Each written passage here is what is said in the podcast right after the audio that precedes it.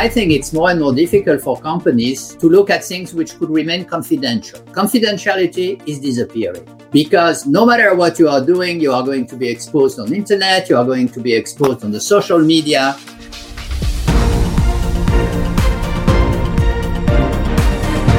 Dette er All In med Oslo Business Forum. Stefan Garelli is professor emeritus at World Competitiveness at IMD and professor at the University of Lausanne. He was the managing director of the World Economic Forum and of the Davos Symposium for many years. Professor Garelli reads the global economic picture better than anyone else. He is an exciting speaker who combines content with an entertaining approach to complex issues supported by his trademark graphics.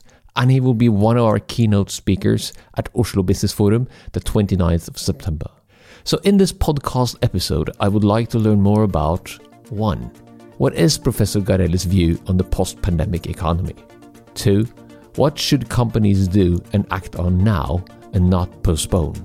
And 3. The changes in the EU politics and falls with the Green Deal. Will that lead businesses in new directions with optimism for the future and new business opportunities? My name is Tor Haugnes, and I'm your host in this exciting exclusive pre talks prior to our 2021 September conference. We are all in and hope to see you in September together with us.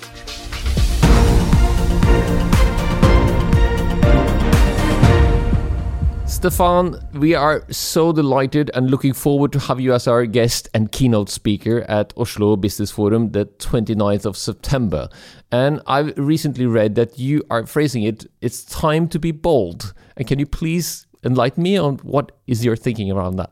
Well, Benjamin Franklin said one day, you know, when everybody is saying the same thing at the same time, it may be that nobody is thinking anymore. And uh, I think that after COVID, we are in a type of environment where everybody is saying it's going to be different, it's going to be new. We are going to enter what we call the new, new normal. Uh, and the question is, what does that really mean? I mean, um, is it going to be the same as before? Is it going to be very different? And I think that one of the things I will try to do is to define, you know, what is going to change, but also maybe what is not going to change in this new world after the COVID. So this new new normal, when did it actually appear? Well, first, I think that for all of us, we want to forget about last year. Um, according to the IMF, we had something like 167 countries in recession. Only two economies have been growing, China and Taiwan. And definitely, this is a past. Uh, we have had what I call the, a K type of recession. You know, that we economists we love to give uh, letters to recession. Uh, so you have the V goes up and down quickly. You have the W, you do it a second time. You have a, a U goes down, stays down, goes up. This is a specialty of Europe. And finally, you have a L goes down and stays down for a long time. And this has been a specialty of Japan. This time we have a K. And it means that part of the economy, the upper part of the K, has been doing pretty well, e-commerce and uh, etc. Then the lower part of the K has been suffering, tourism, uh, airline transportation, etc. And I think that the name of the game today is to find out what it means for whom. Probably the winners may be tempted by abuse of dominant position, and the losers start to get used to be helped. And maybe they are developing a mindset of assistance. A lot of companies i think are going to get bankrupt during the next few weeks because um, they were supposed to be bankrupt in any case, but they have been helped by government to go through this period of time.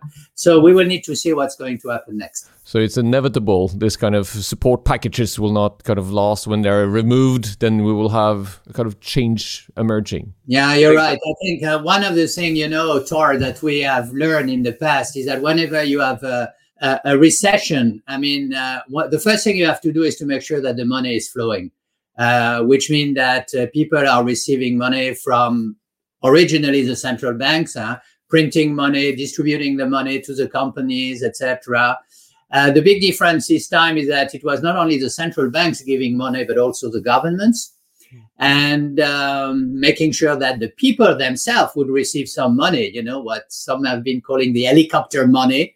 We have seen a lot of that in the United States of America, but in certain countries in Europe. And uh, at the end of the day, uh, some people start to get used to that. And I, I, fear that a number of companies have get a bit a little complacent by saying, you know, no matter what will happen, somebody will save us. But this is going to stop. It's going to stop simply because governments, you know, they don't have unlimited resources. How is this kind of related to Keynesianism? I know this is a this is a probably a theoretical question, but we are we are kind of trained to and learned and probably have some expectation that the government and the state will help us just to keep the wheels turning and so on. When we we have to leave it to the market as well. Yeah, I think Tor, you know what what Keynes said is that actually the government st- should step in, and I think he's right to avoid the catastrophe. You know, that was a lesson 1929 and the rest. But there is a certain moment where the government has to pull back because otherwise you go back into a state-planned economies as we had, you know, in the past with the communist world. So it's it's all a question of timing. You know, how long should you do it? How long should you have the people? And then you hope that sooner or later you are going to have a recovery because this is what we are going to get now. I think it's a recovery because uh, it's a good sign. And if I would take again a letter, I, I would say, Tor, it could be uh, N. This time it's an N. Uh, N means that uh, N like Noemi. N. N means that the first part of the N is that it's going to bounce back very quickly. I think that starting with the summer, all of us, we are keen to spend money, to enjoy life, to go in the restaurant, to travel, if possible, abroad, etc. And there will be a resumption of consumption. And then I think there will be a second part where people are going to say, wow, uh, is that very reasonable? Uh, I'm still a little bit uh, anxious about the future. So we will have a correction of the market. And then hopefully it's going to go back in some more long term uh, development. But, um, you know, the uh, talk, the big difference between um, a war and a pandemic is that uh, a war, you know exactly when it ends. You know, the First World War, it was 11th of November at 11 o'clock, finished. The 12th of November, you could do something else. But you never know when a pandemic is, is finished. Uh, it comes by waves, and uh, people are always a little bit uh, worried.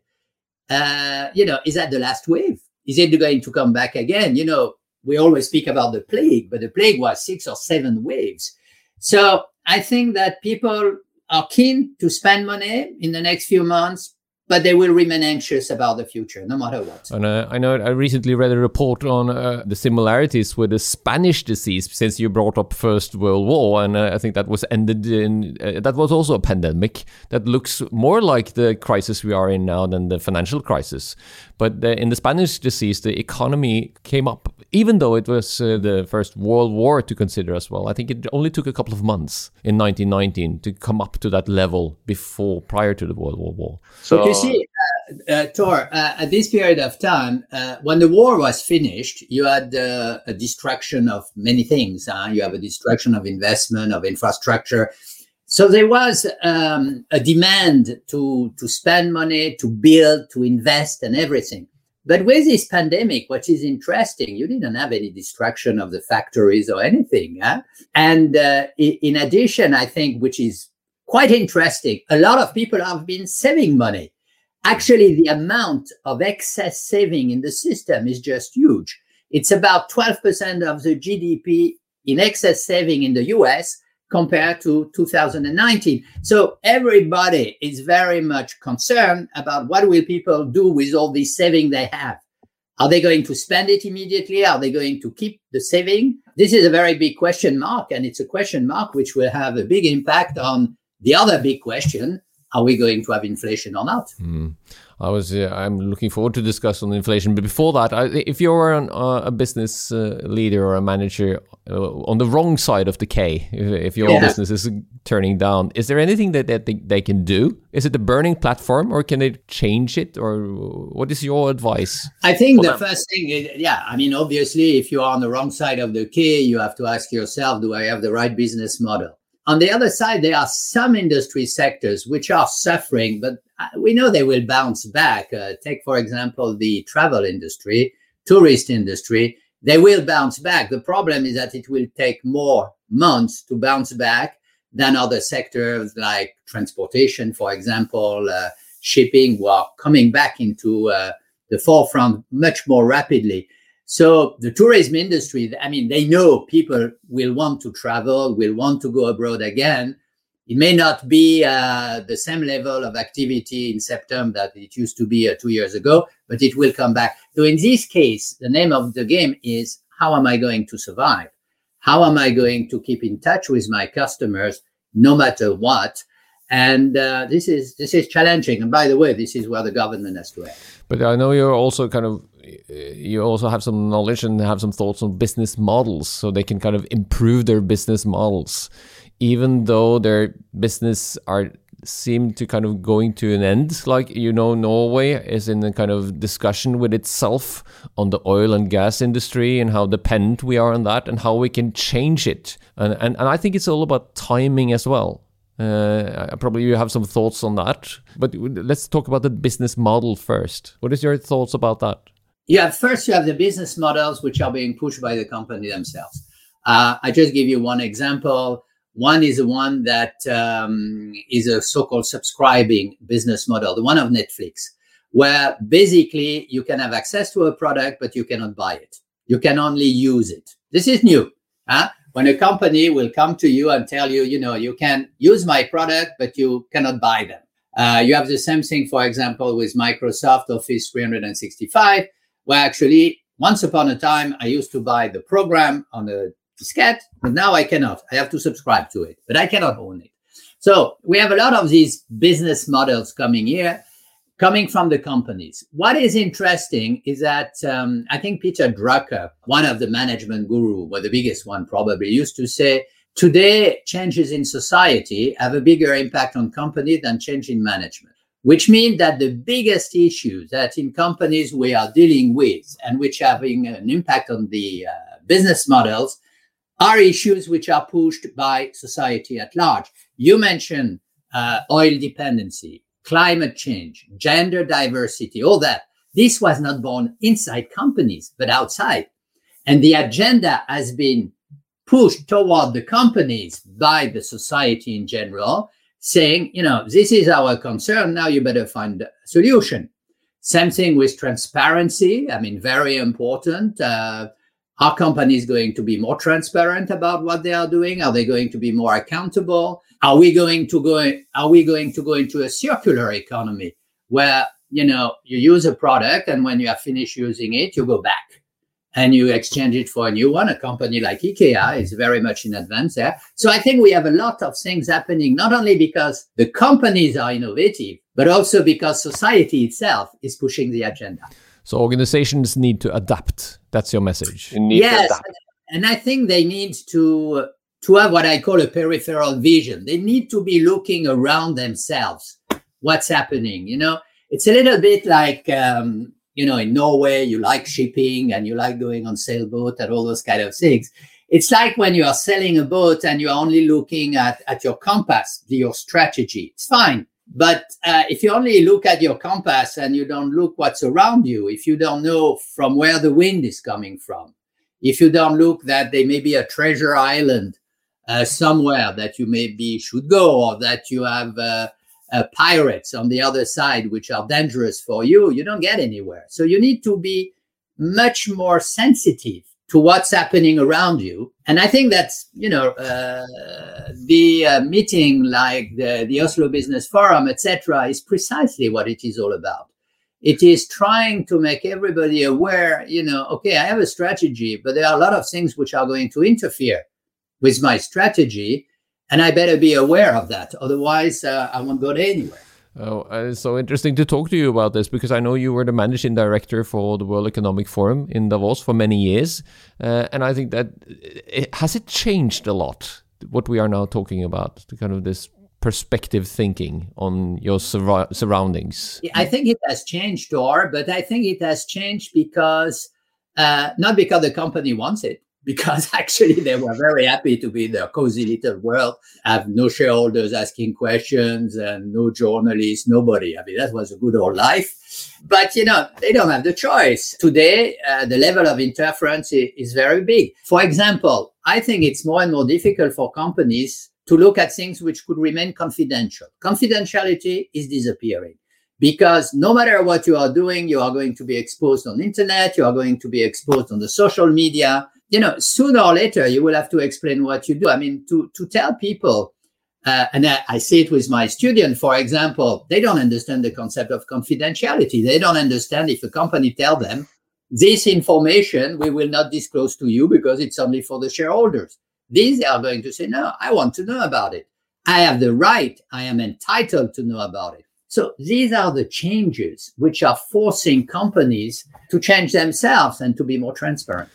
Uh, do you think that they find it difficult to embrace that kind of understanding? Because we know it and we've seen it for years that you need to kind of understand that the world is changing and then you have to. Uh, I'm coming back to this again. Sorry for that, Stefan. You have to adapt uh, somehow.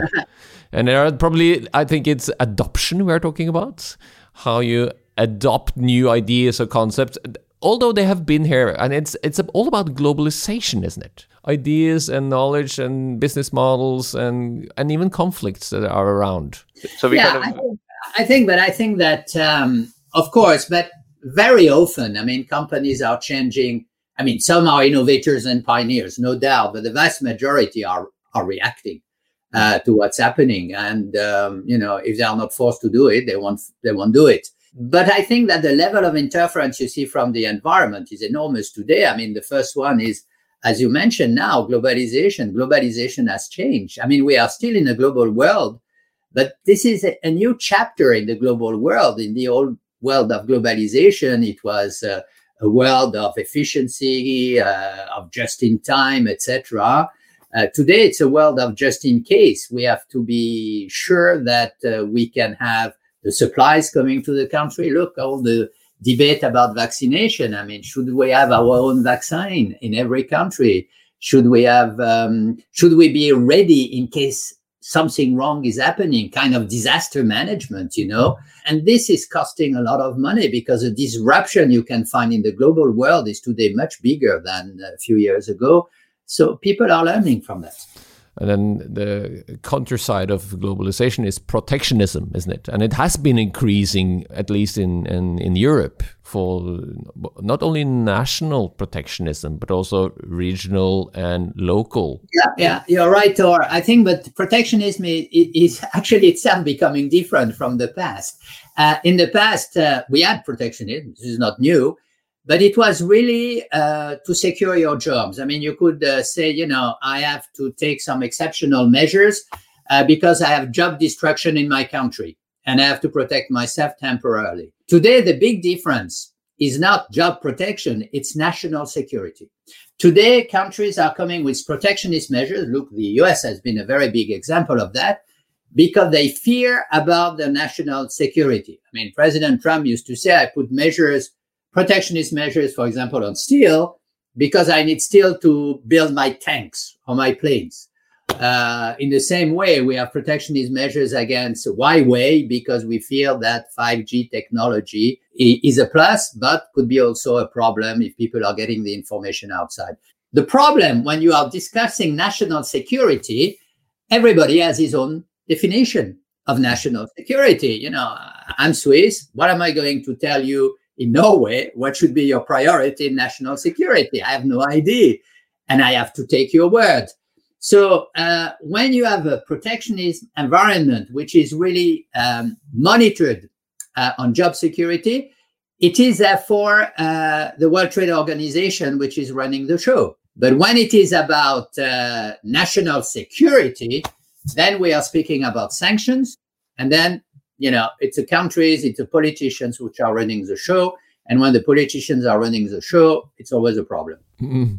And for sure, we have understood, hopefully, that we need to cooperate. So cooperation is even more important now and to evaluate this at least thinking of the, uh, the post-pandemic period that both businesses but also authorities need to talk what can we do better? How can we improve the situation? And i, I want to ask you this because i from a non eu member country like norway but closely integrated to the european e economy what are your thoughts on the european green deal and the carbon neutrality plan for 2050. What what are your thoughts, Stefan, being in the center of it? the center, you know, Switzerland, we are not very much, uh, we're a bit like you in Norway. We are part of Europe, but not really part of Europe. We, are, we don't know yet uh, how much part we should be. But still, I mean, I think we are part also from a cultural point of view. Huh? My feeling is that actually we have no choice. I mean, uh, we need to go into this direction. What I would like to see is more positive thinking about the Green Deal, etc., saying, you know, actually this is very exciting. It will create jobs. It will create opportunities. This is actually it's fun rather than to have people who say, oh, it means more taxes. Uh, it means uh, you are guilty. Uh, you are the big bad guys and everything. I get a bit saturated with this kind of rhetoric. When you are looking at the US, I have to say, they say, wow, this is super. We are going to have new companies, new business models, new skills for people. And I think in the Green Deal, it's not a matter of money anymore. It's a matter of mindset, yes, but it's also a matter how are we co- going to make sure that our children will learn at school and at university the skills to make that Green Deal happening. I think this is the name of the game. I love your perspective on this, Stefan, because uh, in, in, in Norway we kind of looked to the taxonomy that is kind of now kind of being implemented step by step. And I read a document. Oh no, I, I, am lying. I didn't read it because it was 500 pages on uh, European bureaucratic uh, kind of lawyers' text. So it's really difficult to interpret as well. So, can Green Deal be a kind of roadmap for businesses and organizations themselves? This is an opportunity. Circular economy is there. It can be new opportunities, new collaboration with businesses and, and public uh, enterprises. What, what is your thinking? Yeah, I, I think that um, uh, there will be a lot more cooperation. First, on the research side. I mean, because you know we are speaking of, about not only a lot of money which has to be uh, put on research. I mean, if we want to go to uh, a neutral uh, society in 2050, etc., I mean, we better find a new technology to make it. So um, research, and that is going to be international research. Then after people can compete, but once they have developed the technology, maybe they are going to do it in common. I think you mentioned something very important. I think we are going to be in a world where we are going to have far more cooperation between governments and company than before, simply because these huge programs, which necessitate a lot of money, uh, needs to be financed by government, hopefully on an international basis. And I think that the company have to step in. So much more cooperation between government and companies. The problem is, I'm a little bit worried. I think that uh, companies do not know very well how to man- how to deal with governments in general. It's already a problem when it is your own government, but when it becomes global, it's even more complex. And I think on the other hand, governments sometimes in, in some countries, the politicians have difficulty to understand uh, the logic of a company. So I think we should really try to make more bridge between the two uh, because at the, ne- at the end of the day, this is going what it is all about. You know, the new infrastructure, we are all speaking about e-commerce and e-medicine, uh, e-learning, e-payment is actually developed by the private sector. And, uh, and very often it's not yet monitored correctly by the public authorities. Look at the debate with Facebook. Can we leave Facebook deciding who should have a, a, an account or not? Uh, who should be able to say whatever they want, or should it be decided uh, somewhere else? It's a big debate, huh? Mm, and an exciting one. But a last question for me is you've been building up and leading the world competitiveness at IMD. And, and when you look at Norway, from your perspective, what should be our advantage to kind of try to develop and look for do you have any kind of thoughts on that, Stefan? Uh, first, uh, I think there are enough intelligent people in Norway to find the solution. You know, I'm Swiss and I'm neutral, uh, so I have to be careful. uh, I would say that somehow I, I always found that Norway and, and, my country, Switzerland, we are very much the same, despite the fact that you have natural resource and we don't have any. But the small nations can really compete if they are really high technology nations. If we are really building the wave of new technologies, of highly skilled people, etc. And I think that uh, this Green Deal, this new world of new technologies for the environment, but also on how people are going to work from home, from the office, etc., provides an enormous possibility to invent, uh, to reinvent uh, enterprise and maybe the way a country is run. I mean, uh, there are many countries which are run in a very innovative way. Of course, we always speak about Estonia and Singapore, but elsewhere, there is a lot of innovations which are taking place, which means it's not only inside the company that the revolution will take place, it's also within the public sphere, where actually it could be very exciting for a lot of people in the younger generation to ask themselves, you know, can we run a government in a different way? This is so exciting, and thank you so much for this uh, podcast talk. And I'm so much looking forward to have you as our keynote speaker at Oslo Business Forum physical and a conference in yeah. Oslo. So very much welcome, and thank you again for your time. Thank you very much, Tor.